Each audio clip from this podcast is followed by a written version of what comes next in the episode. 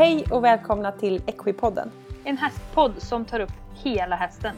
Med mig, Anna Bergsten. Och mig, Elin Weiner.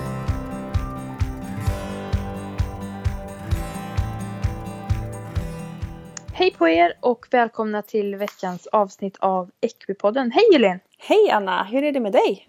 Jo men det är bra. Det är bra. Jag är precis hemkommen ifrån dagens sista behandling här. Ja, vad härligt. Mycket att ja, göra. underbart. Ja, men det är mycket att göra, men det är fantastiskt roligt. Härligt. Ja, hur är det med dig? Är det bra? Det är bra. Jag har varit på skola idag och undervisat. Och det har varit, eh, det är alltid kul. Det är jätte, jätteroligt att vara i klass och undervisa. Men man kan bli lite trött i huvudet jag somnade när jag kom hem idag. Ja, men det är lätt hänt. Ja, Men det finns ju många som blir lite trötta nu på våren. Ja, och jag är nog en av dem faktiskt. Jag brukar bli lite trött när det kommer lite pollen och, och det här plötsliga ljuset. Mm. Då blir jag lite trött. Känner du av Som det är också? underbart. Um, nej, nej, alltså det kan jag inte säga att jag gör. Jag tror inte... Nej, jag tror inte det. Inte ett sånt tänkt på. Nu är jag nog lite trött för att jag har haft en förkylning som ligger och lurar. Men annars så, nej. nej inget Mhm. som jag kan eh, känna av så. Ja men vad skönt. Ja, jätteskönt. Mm. Och det ändras ju lite. Årstiderna medför ju vissa förändringar. Och det är ju faktiskt förändringar som vi har i veckans avsnitt, eller hur? Ja, exakt. Vi ska alltså prata om en viss checklista Ja. eh, som är jättebra om man flyttar hästen. Mm. Och vad, vad innebär egentligen en flytt för hästen? Och hur mycket tid ger man hästen att anpassa sig efter en flytt? Och behöver den tid till att anpassa sig efter en flytt? Eh, Lite sådana där saker ska vi bolla idag. Men jag har gjort en checklista. Precis. Ehm, Och flytt kan ju vara både att man själv flyttar nytt stall. Eller Ja. om man säljer hästen. Eller hur? Precis, och en sån här lista tycker jag är superbra, och det vet jag att du också tycker, Ja, det eh, tycker jag. att skicka med när man säljer hästen. Mm. För att det finns mycket som eh, kan bli missförståenden som kanske inte hade behövt bli missförståenden för häst och hästen blir lidande. Precis, för de är ju så snälla och kämpar så mycket för oss och det är en stor omställning. Det är en jättestor omställning. Så att, Absolut. eh, ja, det är de värda tycker jag. Och få hjälp och underlätta i sådana situationer där det sker väldigt stora omställningar. Absolut. Jag har ju faktiskt precis flyttat mina hästar. Precis. Ehm, och jag gav dem, ursäkta nu skrapade det lite här, det skrapade emot min tröja. jag gav dem faktiskt lite tid att anpassa sig. Mm. För att de har ju alltid stått på box. Mm. Men nu är de i en fantastiskt otroligt fin lösdrift. Ja, vad härligt. Och de är så glada. De är, de är så glada. De är det, de gillar det Ja, alltså. de gillar det jättemycket och jag tycker att det känns skönt för att man har ju det här med att ja, men de står på box, de ska ut. Mm. Eh, jag har haft jättemycket magproblem med mina hästar i vinter. Mm. Och eh, jag har aldrig haft det förut. Nej. Men det kom den här vintern och jag har inte haft kolik och, och väck på tarmar och allt vad det varit det senaste och det har ehm, Jag hoppas att det kan få ett slut nu när de kan röra sig hela tiden. Mm. De har två fantastiskt fina hallar att ligga i. Ja, Det är så fint. härligt. Och ljuvliga hagar. Ja, och jag känner bara att ja, men det var dags för att, att prova det här. Och jag Mm. tror att ehm, ja, men jag tror att det kan vara bra. Och det är klart att en del hästar kanske inte tycker om lösdrift. En del kanske gör det. Det är också individuellt. Mm. Och det är ju här också igen. Vi kommer in med det här individualismen i hästen och allt det här. Mm, mm. Ja, det är ju så olika. Man, man lär ju känna sin häst och det tar ganska lång tid. Och man måste testa Ja. de här olika delarna. Och framförallt om man tänker Sverige nu då, som vi verkligen har fyra helt olika årstider. Det är ju jättestor skillnad på vinter och sommar och höst. Ja. Och jag som har haft häst i Göteborg i alla år, det har varit liksom lera upp till knäna. Det är ju jättekämpigt på höstarna. Och det tycker de inte om ibland och vissa älskar det. Så att man måste verkligen ta sig tid att lära känna hästen. Det tar ett år. Absolut. Ja, jag tänkte precis säga det. Det tar ett år tror jag Mm. att lära känna sin häst. Mm. För att då är du med om alla årstider och då kan du se Precis. vad är återkommande, vad kom förra året, vad Ja. är avviker, vad avviker inte. Mm. Eh, Sådana saker. Men den här listan. Mm. Eh, överrubrikerna kommer ju vara dels alltså vem hästen vem hästen är, när Mm. den är född och kön och så vidare och så vidare. Mm.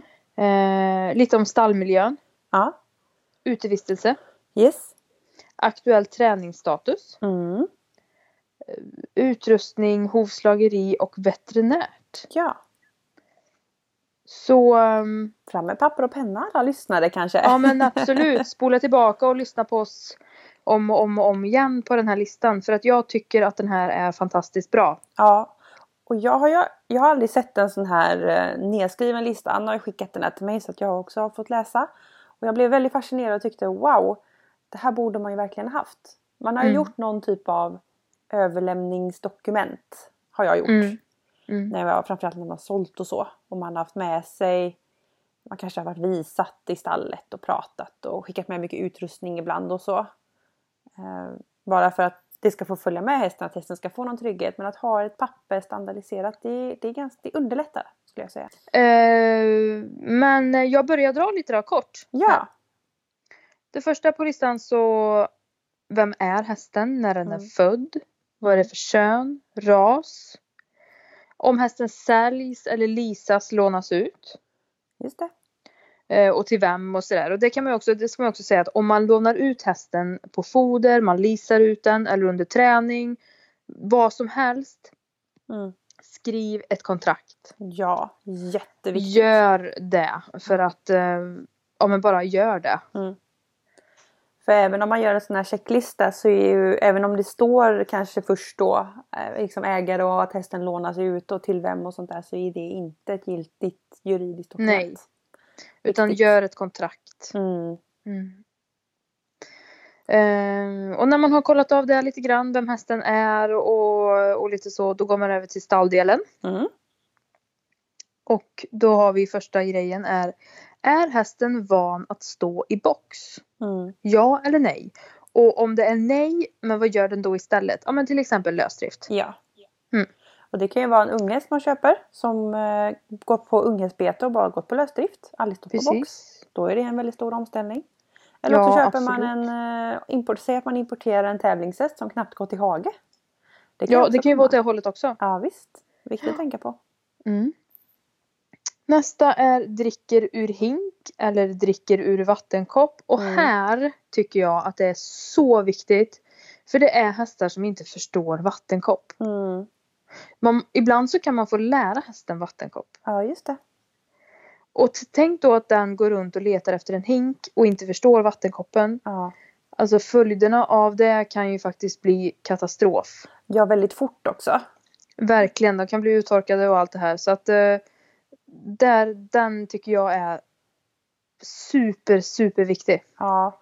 Och sen kanske man kan tillägga där också eller tänka på själv. Det finns ju olika vattenkoppar. Mm. Vissa är ju som man trycker, eller de såna här vanliga eller vad man ska kalla det. När de trycker med mulen så kommer det vatten. Och, och Ja, sen finns det ju de som konstant har vatten så att den, den liksom är lite fylld hela tiden som en liten hink också. ja, just det, som är nästan som en hundmatskål. Precis. Ja. Och har hästen bara druckit ur en sån då kanske den inte förstår det här med tryckandet. För det kräver ju ändå en kraft. Precis, och en del kanske blir jätterädda. Ja, första gången man får, man får vatten i näsan. Och den låter ju lite också, den där vattenkoppen som den trycker. Precis. Mm. Så det, är- den tycker jag är superviktig Ja. verkligen. Verkligen. Och en parentes där är det ju faktiskt att kolla att det är tillräckligt vattentryck i sina vattenkoppar också. Precis. Vi hade det som rutin i något stall vi stod i att eh, när vi städade rent på sommaren att mäta hur många liter per minut. Jag kommer inte ihåg riktigt vad det var för siffra det skulle vara men är det för dåligt Mm. tryck så kommer gästen tröttna och det tar ju så lång tid att dricka. Så att, Ja. eh, bra att kolla att det är ordentligt vattentryck. Mm. Och om man har vattenkoppor ute i hagen, se så att de liksom är fräscha och Mm. ledningarna håller och allt det här. Mm. Precis. Nästa. Har hästen saltsten i boxen? Mm. Har den det eller har den det ute i hagen? Vilken Mm. typ av salt? Vissa kanske inte tycker om de här mineralstenarna. Mm. Vissa kanske inte tycker om Himalayasaltet. Precis. Och vissa hästar äter det som i bitar. Ja precis, för jag hade en, när jag utbildade mig. Mm. Då var det en kvinna som var gäst på utbildningen. Och hon hade en saltsten av varje till sina hästar. Asså? Så jag tror att de hade fyra eller fem olika saltstenar för då såg hon vilka som gick åt. Ah. Hade Mm. hon det i hage eller i boxen? Eller? I box. Så alla hästar hade fyra stenar var? Ja, Ah, vad smart. det tycker jag är väldigt ödmjukt om jag ska vara ärlig. Ja, och då lär man sig ju precis vilken det är. Så sen när man väl har lärt sig Ja. det så kanske det räcker med en. Precis. Ja, den var intressant. Mm. Jag har ju haft en häst som vi satte in en saltsten så stod hon och bet av bitar på Ja. den. Då var det så här oj oj oj. Det här kan Hon vi drack inte ha. ganska bra då kanske. Eh, ja. så den tog vi bort ganska fort och då får man ju Ja. ge fodertillskott istället. Gav vi till Ja, henne precis. i, Mm. i maten. Så att, ja, sånt är också viktigt att tänka på. Absolut. Och um, nästa punkt är typ av ströbädd. Mm. Och det skiljer sig. Det finns ju halmpellets, det finns halm, det finns spån, det finns spånpellets, det finns Mm. massa olika. Ja. Och det är ju faktiskt så här att vissa hästar kan vara allergiska. ja. Och Mm. känsliga luftvägar och sånt om det dammar. Och... Precis. Eh, så det där är också jättebra. Säg att du har en häst som har stått på, på stallpellets Mm. och sen slänger du in spån Ja. och då kanske hästen börjar hosta. Ah, Och så, så kanske man inte kopplar det direkt till, till det. Precis. Ehm, har du något du vill tillägga där? Nej, det, det är ju ofta, alltså det här är lite svårt för oftast är det ju i vissa stall så bestämmer man att här kör vi det här, punkt. I Mm. vissa stall ingår det till exempel att eh, ha halm eller vad som helst. Men, Ja precis. och då kör man alltid på det och tänker inte mer på det. Man har kanske inte alltid har möjlighet. Men eh, det är precis som Anna sa här, om det plötsligt byter och hästen plötsligt börjar hosta. Det finns ju Eller många anledningar. utslag. Ja, Mm. då kan det vara värt att kolla. Även spån ett. Absolut. Ja, och sen så kommer vi till foder lite grann här då. Mm. Eh, hö, hösilage, halm, mängd per dygn. För det är ju så att man kan ju ge hö, hösilage Mm. och sen kan man ju faktiskt ha halm eh, vid sidan av. Just det, För att de ska behöver... ha något att pilla med. Precis. Mm. Det är lite olika. Ja, och jag har faktiskt så i min lösdrift Mm. så har jag ett tjockt lager halmpellets i botten Ja. i, i, eh, i hallarna. Mm. Eh, och sen så har jag massor med halm på. Ja, just det. Att de ska ha en bädd då. Och då vet jag att just det här med det här med magarna. Mm. Och så har jag två stora höbingar som alltid jag fyller. Jag vill inte ha jag vill inte ha en bal ute för jag vet att alla får inte komma in till och äta då. Nej, just det. Eh, Så att jag har två stora bingar som jag fyller så att jag vet att ifall, för när de fryser då äter de ju. Ja. Ifall det skulle vara så att det blåser jättemycket eller att det blir kallt eller de, vad som helst. Ehm, att de kanske blir frusna, det kan man ju bli även fast man är täckt för de är ju täckta. Mm. Mm. Mm. Att de har att äta. Precis, något att pilla med. Ja. Och då tycker jag att det är viktigt när, för att jag menar du kanske köper en häst som som har gått på en viss typ av mängd av foder men så kanske när den kommer till dig så tycker du att den ska gå på en annan mängd. Ja. Eh, och kanske en, ett annat Det kanske varit att man har haft ko ensilage. Ja. Nu kanske man inte har det. Men ehm, ja, du förstår vad jag menar. ja, men precis. Eller ni det, förstår vad jag menar. Att det är väldigt olika kvalitet. eh, Även om det är Precis. samma fodertyp. Ja, och det är samma sak med kraftfoder. Mm. Att eh, ska man byta, för det är klart att man får ju byta om man vill. Men slussa över det. Ja. Byt inte bara. Och det kanske är värt att låta hästen gå kvar på det som den har ätit i några månader just för det är så mycket andra omställningar också. Alltså Mm. om en häst kanske är lite lättstressad och så det blir helt nya människor, helt nya hagkompisar, helt ny miljö, helt nya allting.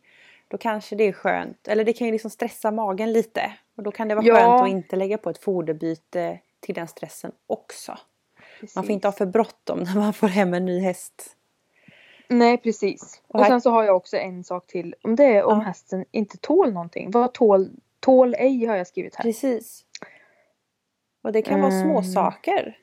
Mm. Eh, Jag vet eh, en kund till mig hon eh, Hon gav liksom du vet när det är mycket äpplen, alltså när det är äpplen som trillar ner i trädgården då är det ju överfylls i stallen med fallfrukt. Och då Ja. ger man det och, och hon insåg plötsligt att hästen fick lite utslag. Och efter lite forskning där så visade det sig att om hästen fick fler än två äpplen så fick den liksom utslag. Men, ett Men är det inte garvsyra i äpplen eller? Jo men det kan det vara. Så den var ju Mm. lite känslig då. Ja. Eh, men det var också så här, ja visst ett äpple gick bra men inte mer. Nej. Om den fick i sig då. Och det är också det är en sån här liten sak som egentligen inte spelar så stor roll. Men som ändå spelar stor roll. Men ändå som är onödig att gå på den minan igen. Mm, liksom. Absolut. Mm. Mm. Eh, känner vi oss färdiga med fodret här eller? Ja men det tycker jag. Mm. Mm. Då går vi vidare till utevistelse. Och Ja. här, här kan det ju verkligen råda delade meningar. För att Ja. de kolumnerna som jag har här, jag drar allihop på en gång. Mm. Eh, van vid att gå i stor hage ensam. Van vid att gå i liten hage ensam. Van vid att gå i stor hage med andra hästar. Van vid att gå i liten hage med andra hästar. Rider alltid ut ensam. Rider alltid ut i grupp. Mm. De här tycker jag är superviktiga. Ja. Eh, och så står det så här liksom cirka tid, hur många timmar per dag. ja. Det finns ju sådana hästar som går ut i fyra timmar. Det finns sådana hästar som går ut i tio timmar. Och mer. Och- ja. Ja, och jag tänker inte lägga någon vikt i vad jag tycker är rätt och fel. För att det är upp till var och en. Mm. Ehm, men jag tycker att det här är viktigt och speciellt. Ja, men jag behöver inte gå längre än till mig själv och min flytt. Mm. Mina hästar är ju ute dygnet runt nu. ja det är jättenytt för dem. Ja, och då trodde ju jag. Jag trodde, Mm. tji vad fel jag hade, att de skulle bli jättetrötta. Och de Ja. är helt hysteriska. Ja. Men de är glada. Ja, De precis. är så fulla av energi. Positiv energi. Positiv energi. Härligt. Ja, det är underbart. Men säg att du har en häst som har gått ute 10 timmar om dygnet. Ja. Och så kommer den till ett stall där den bara får vara ute 4 timmar. Mm. Vad händer med energinivån? Vad händer med magen? Mm. Det är väldigt stor skillnad. Mm. Och jag Precis. gillar det som står här med att det stod att man är van att gå i ensam ha, alltså van att gå ensam i stor och liten hage. Att det är två olika Mm. kolumner. För det är också sådana här saker som man kanske inte tänker på. Det är lätt att säga att men hästen kan gå själv. Och då tänker den som köper, gud vad skönt, min hästen, jag kan lämna hästen en stund och rida iväg. Eller om man säger att man har två hästar och hästarna hemma. Men Mm. om hästen då alltid har varit lämnad i en stor hage finns det alltid något att pilla med. Och något Mm. att göra. Men blir man ställd i en liten, men säg en liten sån här sjukhageaktigt eller rasthage och blir Mm. själv då kommer tristessen ganska fort. Absolut. Och då kan det ju bli ja, oro eller, eller så. Så Mm. det tyckte jag var väldigt bra att just de två var separerade eller utskrivna. Så att man tänker på att det kan vara en skillnad. Ja, och även det här med att är den van vid att rida ut ensam eller vill den ha sällskap? Precis. Och det kan ju också vara så om man köper en unghäst att man helt enkelt aldrig har testat att rida ut själv.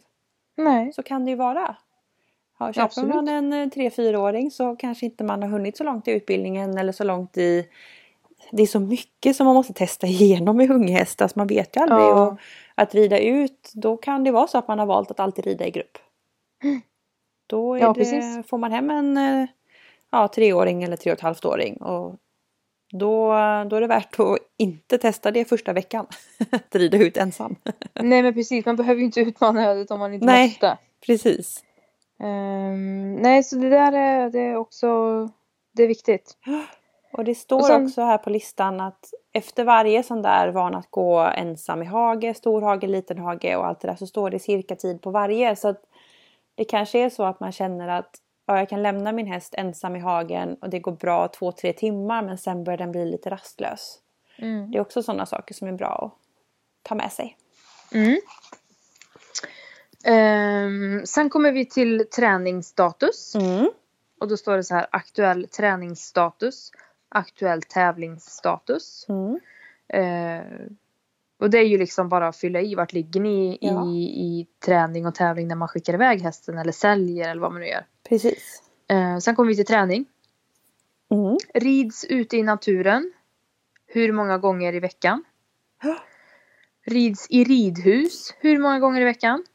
Mm. Longeras. Hur många gånger i veckan? Hoppträning och dressyrträning. Hur många gånger i veckan? Här får du ju nästan uppdatera. Longering slash tömkörning kanske. Ja, men jag kanske får, jag, nu blir jag ju tvungen att lägga till det. Ja, nu får du lägga till tömkörning här för den är viktig. Ja, men absolut. Och jag tror att här är det ju också hur många dagar i veckan sitter man och trimmar sin häst i ett ridhus? Det är klart att det har Ja. betydelse. ja. Det har det. Eller på paddock om man inte har ett ridhus. Precis. Jag har inget ridhus. Ehm, och det är klart att det är skillnad på hästen i paddock Mm. och i ridhus. Mm. Yes. Underlag, varierar man underlagen tillräckligt? Ja. Annars så kommer ju de här små mekaniska skadorna. Precis. Om du, om du liksom sitter på samma underlag. Och om man Mm. inte rider ut mycket alls och plötsligt kommer till någon som älskar att rida ut och kanske skrittar från att aldrig gått asfalt till att skritta flera timmar asfalt i veckan. Mm. Det är ju en jättestor skillnad också. Ja, Fast man inte absolut. tänker på att det är en skillnad. Nej men precis, så alla de här sakerna är ju viktiga. Ja, Och vissa tycker jag är mer viktiga för att det kan bli sådana missförstånd som hästen verkligen blir lidande. ja precis. Eh, det tycker jag. Så där har vi lite träningsstatus, tävlingsstatus. Ja. Och då får man ju tänka någon generell då. Hur många gånger i veckan gör man de här olika sakerna?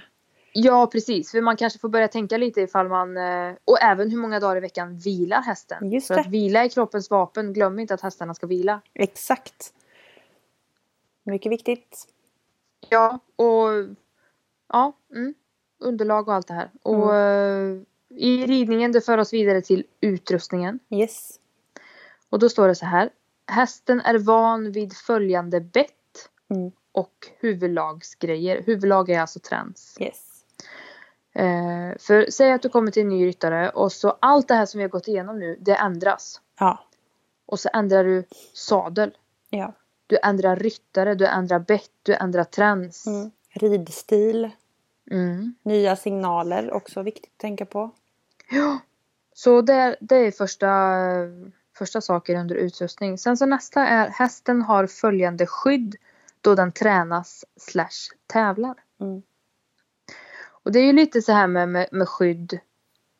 Vi har inte pratat så mycket om det och just det här med värmen som blir i skydd. Nej, det har vi inte gjort ännu. Eh, men det kommer vi ju till. Eh, värmen som blir i skydd och vad som kan hända om det blir för varmt, om det svullnar, vad händer då? Ja, precis. Vad är hästen van vid? Hästen kanske är van vid att gå i skydd för att den slår på sig. Ja. Och den nya ryttaren kanske inte vill ha några skydd.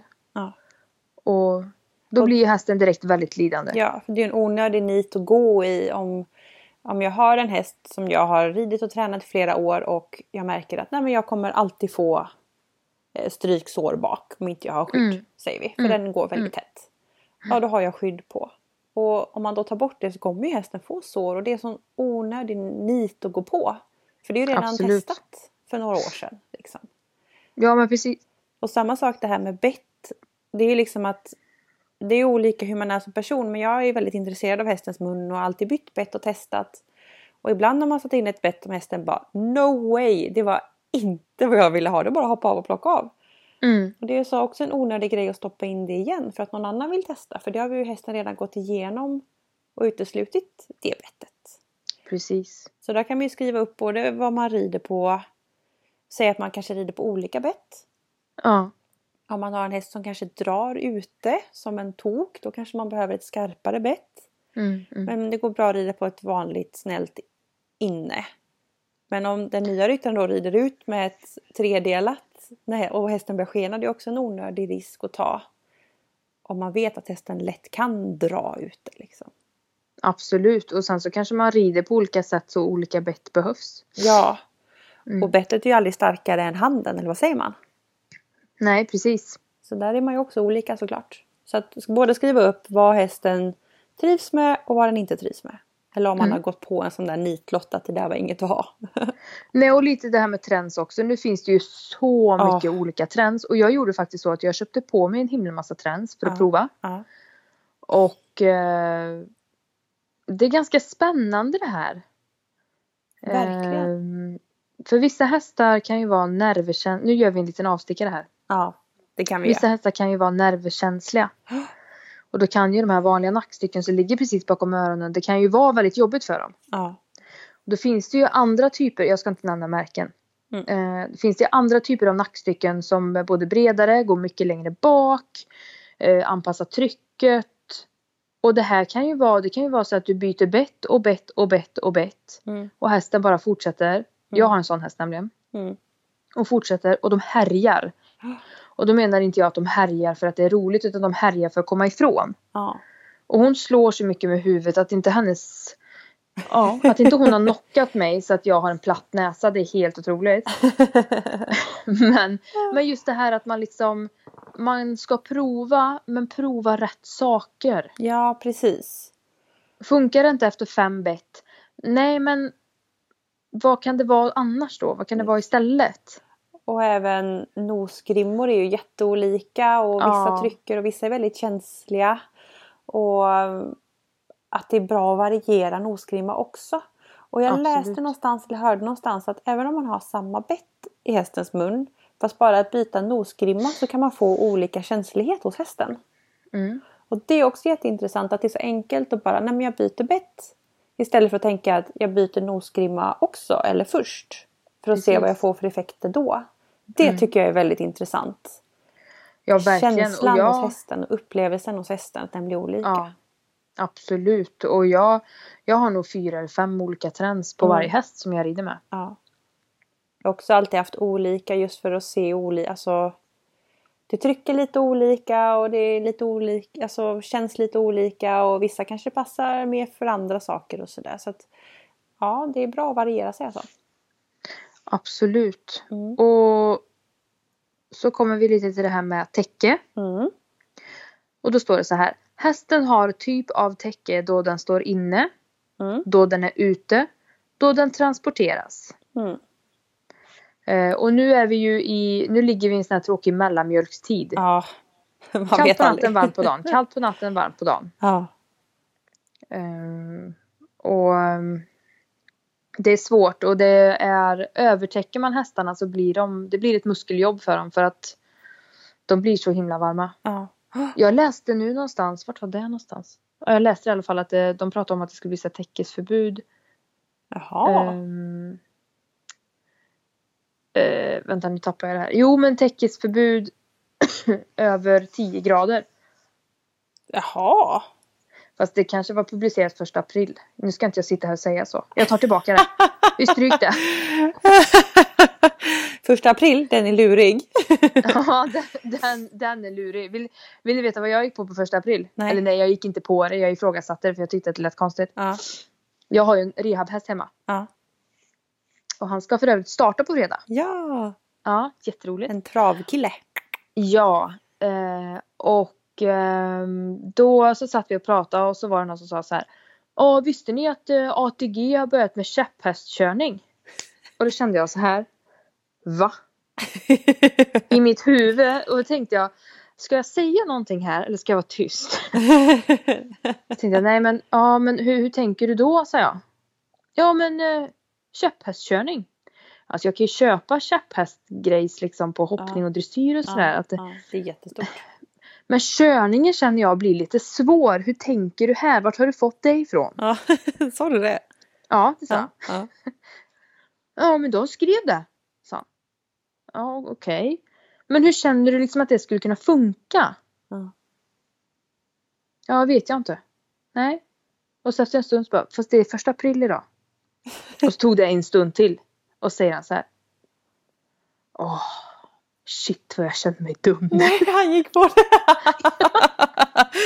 Jätteroligt. ja. Ja. Ja. Ja, det var bara en parentes. Eh, nej, vad roligt. Lite så, ja, det var jätteroligt. Men lite så vad, vad man täcker sina hästar med. ja. Hur mycket och när och, och var. Mm. Ehm, Och där kan man också koppla till, jag hade en häst som var ganska känslig i ryggen. Precis. Och eh, då var det ju, då fick man ju känna hellre för mycket än för lite. För var det för lite Mm. och hon började frysa då, då kunde inte man rida den dagen. Då var hon liksom Nej, precis. Eller man fick liksom värma upp länge och det blev ett annat jobb så. För hon var lite stel. Ja, precis. Och där också i kombination med att hon hatade lera. Så hon stod alltid still i hagen. Och så regnade det och blev hon kall där, då blev det kallt så. Så det är också... Det blir lite dåligt. Ja, det är också bra att tänka på Mm. sådana saker. Det är också där onödig nit att gå i. Eh, Ja, precis. Eh, absolut. Och nästa här är Är hästen van vid inspänningstyglar? Ja Mm. eller nej? Och inspänningstyglar skulle vi kunna sitta här och prata om ända tills imorgon. ja, det blir nog ett eller två egna avsnitt på det tror jag. Ja, jag tror det. Eh, Ja. Och vi ska inte lägga så mycket vikt i inspänningstyglar för det är ganska laddat. Väldigt laddat. Eh, Men ja eller nej, är den van eller inte? Punkt. Vi sätter, Mm. jag, jag tror att man sätter en punkt där. För det, det är laddat, det är ett laddat Yes. ämne. Punkt. Eh, och eh, vilken typ av sadel passar hästen? Ibland får man ju Mm. med en sadel, ibland får man ju inte det. Ja. Och får man inte det så tycker jag ändå kanske att eh, Jag tycker ändå att när man har köpt en ny häst så kan det vara bra att ta ut en sadelprovare. Antingen för att kolla den befintliga sadeln. Mm. Eller kolla ut en ny. För det handlar ju om att ni ska funka i den tillsammans. Precis. Och det kan ju vara så, jag är ju jättelång till exempel och jag har väldigt långa ben. Jag är en här perfekt dressyrryttare med Ja. jättelånga ben som sitter så. Fuff.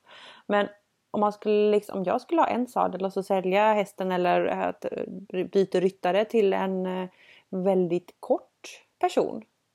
Ja. Då blir det ju eh, väldigt annorlunda såklart. Och hur breda sadlarna är i liksom stomme för att bäckenet ska få plats och inte jätteviktigt. Och går det att få med en sadel så försök tycker jag. ja.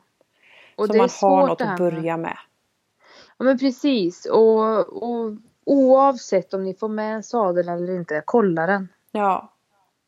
Och eh, det är svårt det här med sadlar. Jag har varit i sadeldjungeln själv ganska länge. Åh, det är en Eh, och jag, djungel. Ja, och jag satt i en sadel som var 17,5 tum. Mm. Och jag nästan försvinner i den. Ja. Den blir så himla stor. Mm. Och då kände jag så här, jag skiter i det här och köper en ponnyputa istället. Jag orkar inte. Med ett handtag i fram. ja. Nej, men alltså, och jag förstår att man ledsnar på sadlar för att jag...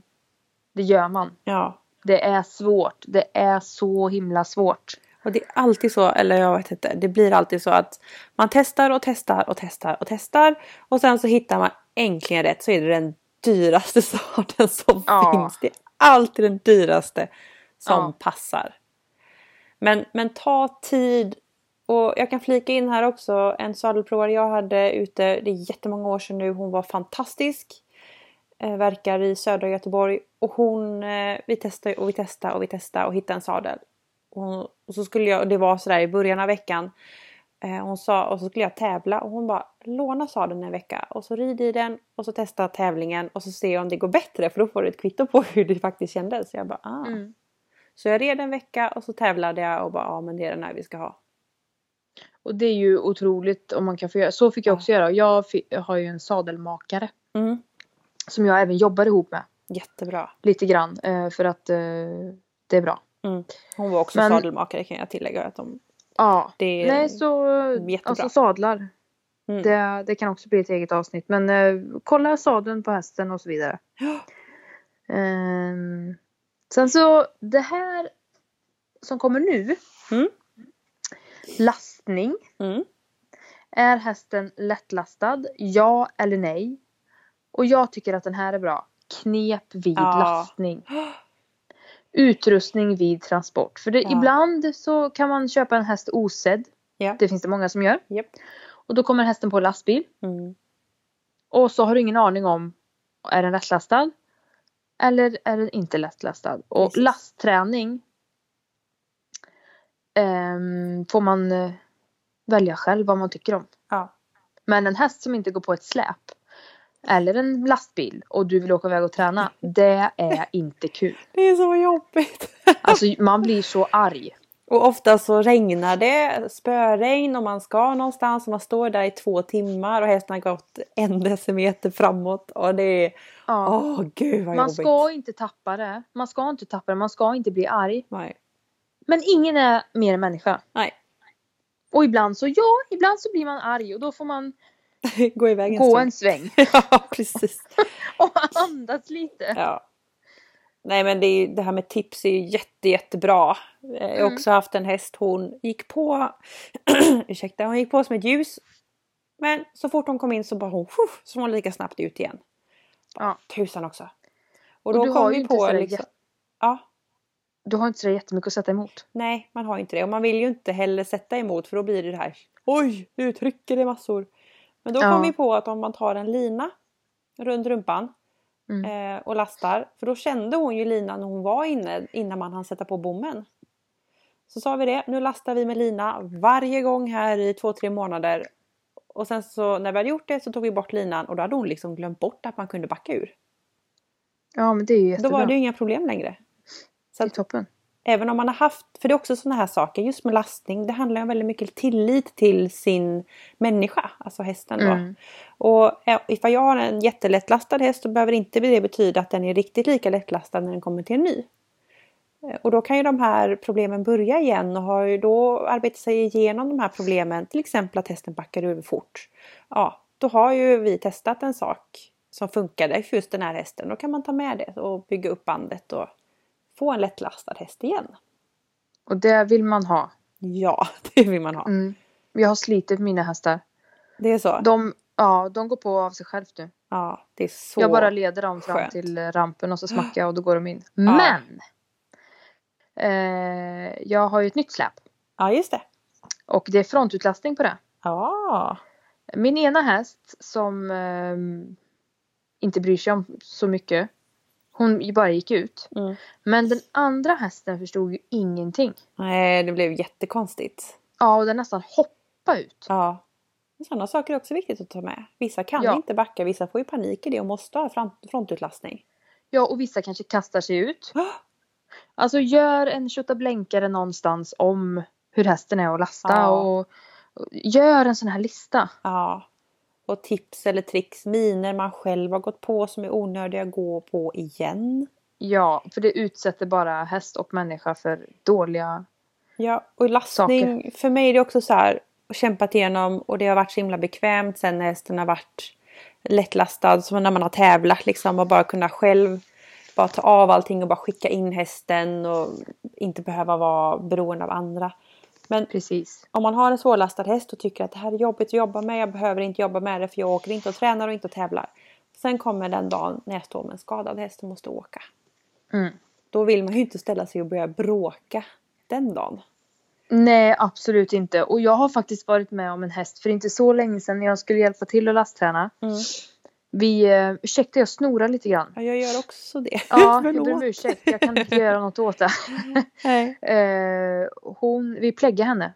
Ja, Och plägga innebär att man ger lugnande. ja, Och det tyckte ju vi var en bra idé då, för hon var galen. ja. Men bara det att då blev ju hon fastfrusen i marken. Så då fick vi stå där och titta på henne i fyra timmar tills det här hade gått ur ordentligt. Ja, för hon rörde ju sig inte en millimeter. nej. Så lite sådana saker. Men eh, ja, har du något mer att tillägga om lastningen? nej, viktigt Nej. vill jag säga bara sist. Två saker kvar. Yes. Hovslageri. Mm. Hur ofta skos hästen? Hur har, förlåt, hästen några specialskor? Mm. Vilken slags broddar brukar hästen ha? Mm.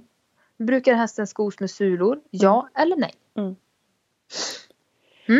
Och hovslageri är ju också svårt för att, eller där känner jag när man är hästägare så lämnar man ju över hästen till sin hovslagare som man litar på.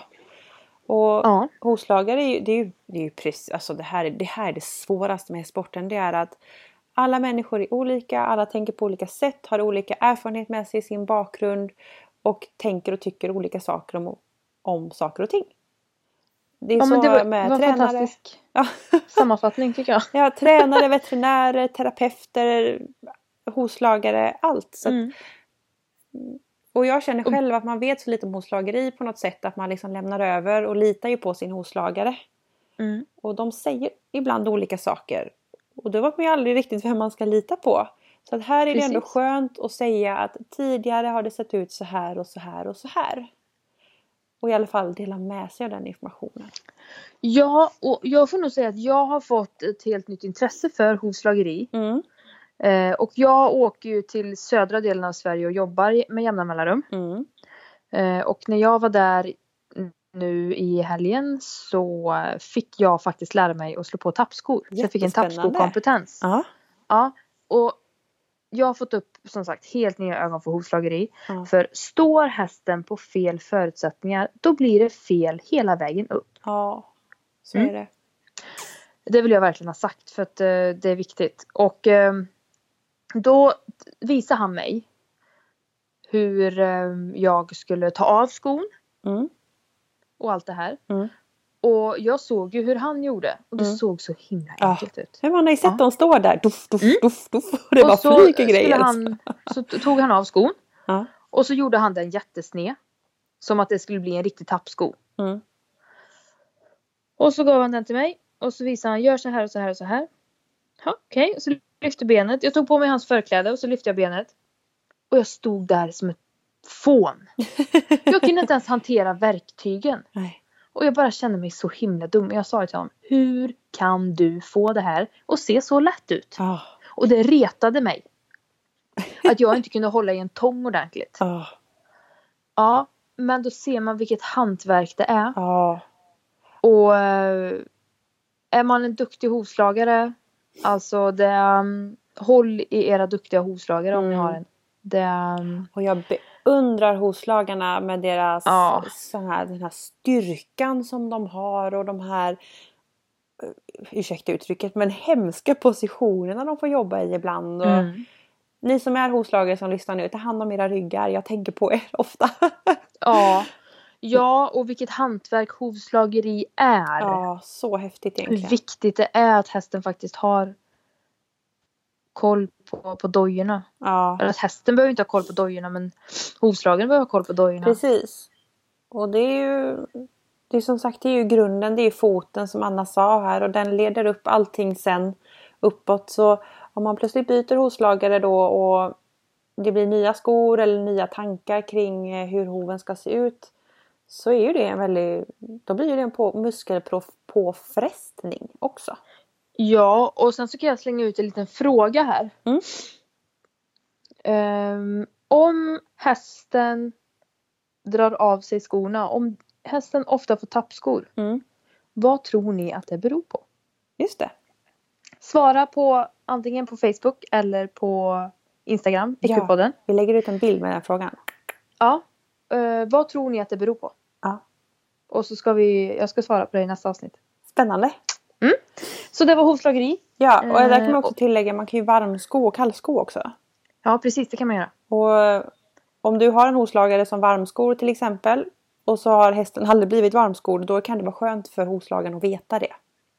Har ni aldrig träffat någon som varmskor så det, det luktar väldigt speciellt. Det låter och det ryker. Det låter och ryker och luktar br- bränd död ibland. Ja, det det luktar död och förintelse. Det är vidrigt. Eh, Och det, hela stallet luktar så och du Ja. luktar också så. Yes, och hovslagaren. Så att har, Mm. man, har hästen liksom aldrig mött det, då är det bra att veta det för då ska man ha en liten annan approach. Eller då ska hovslagaren ha en annan approach mot hästen när han kommer. Eller hon. Och jag ska runda av med att säga att jag klarade faktiskt tappskokompetensen. Ja, grattis Anna. Ja, tack. Det var, den, den, ehm, den var underhållande för de som var med. Mm. Ja, så kan man säga. Jag beundrar alla hovslagare. ja. Eh, och då har vi kommit fram till det sista. ja. Och det är veterinärt. Mm. Viktigt. Och då står det, ja, då står det så här. Har hästens munhåla undersökts med jämna mellanrum? Ja eller nej? Mm. Har hästen behandlats av veterinär? Ja eller nej? Om jag, vad är orsaken? Mm. Mot vad och när var hästen vaccinerad senast? Och jag vill också tillägga en sak på min egen lista här. Att, Ja. Alltså vad, vad tyck, hur, hur är hästen att spruta? Ja. Vaccinera eller behandla eller vad det nu än må vara. ja. För jag har en tjejkompis som har en häst som får vaccinera sin häst i farten. De får alltså springa med hästen. ja. För att hästen blir vansinnig. Jag har också haft spruträdd häst. Hon var inte det.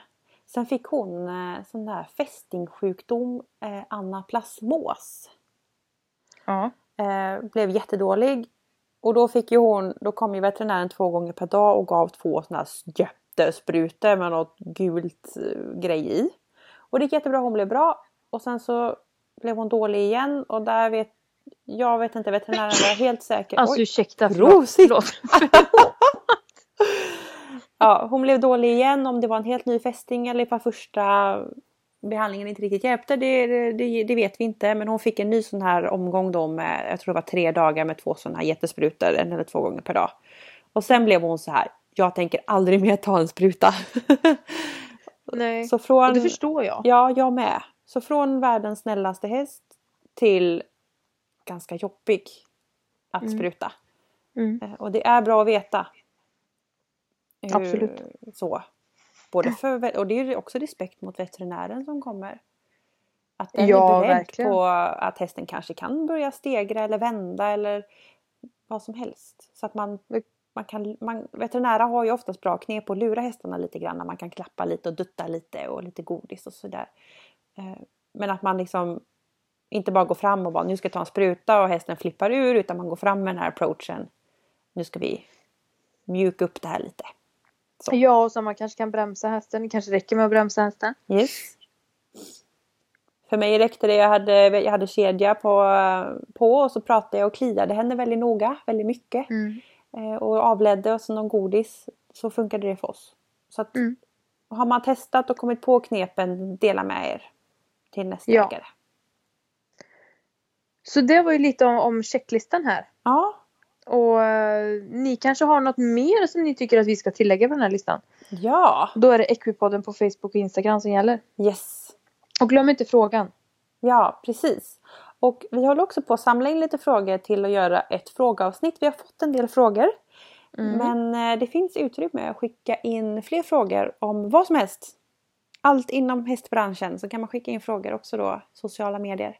Så ska vi försöka göra ett frågeavsnitt här i ganska närtid, eller hur Anna? Ja, precis. Och ehm, den är ju lite sen på den här veckan men det är för att ibland så har vi lite svårt att få ihop våra scheman jag och Elin. Men det, det, får, det är så. Och det är så den här veckan och nästa vecka. Sen tror vi att det kommer lätta upp sig lite granna. Ja, och vi har massa roliga gäster. Ja, Och eh, vi kommer även vara på plats på cancerhoppet. ja. Har ni när, närhet eller vägarna förbi, kom och prata med oss. Mm. Vi ska göra ett litet avsnitt och spela in där och intervjua lite ryttare och filma lite och prata lite med tävlingsledare och allt sånt där. Det ska bli jättekul. Ja, absolut. Så ehm, Mm, nästa avsnitt. ja, det får bli en överraskning. Det blir en överraskning. Ja, vi har ju redan bestämt. Men då blir det en överraskning för er andra då. Ja.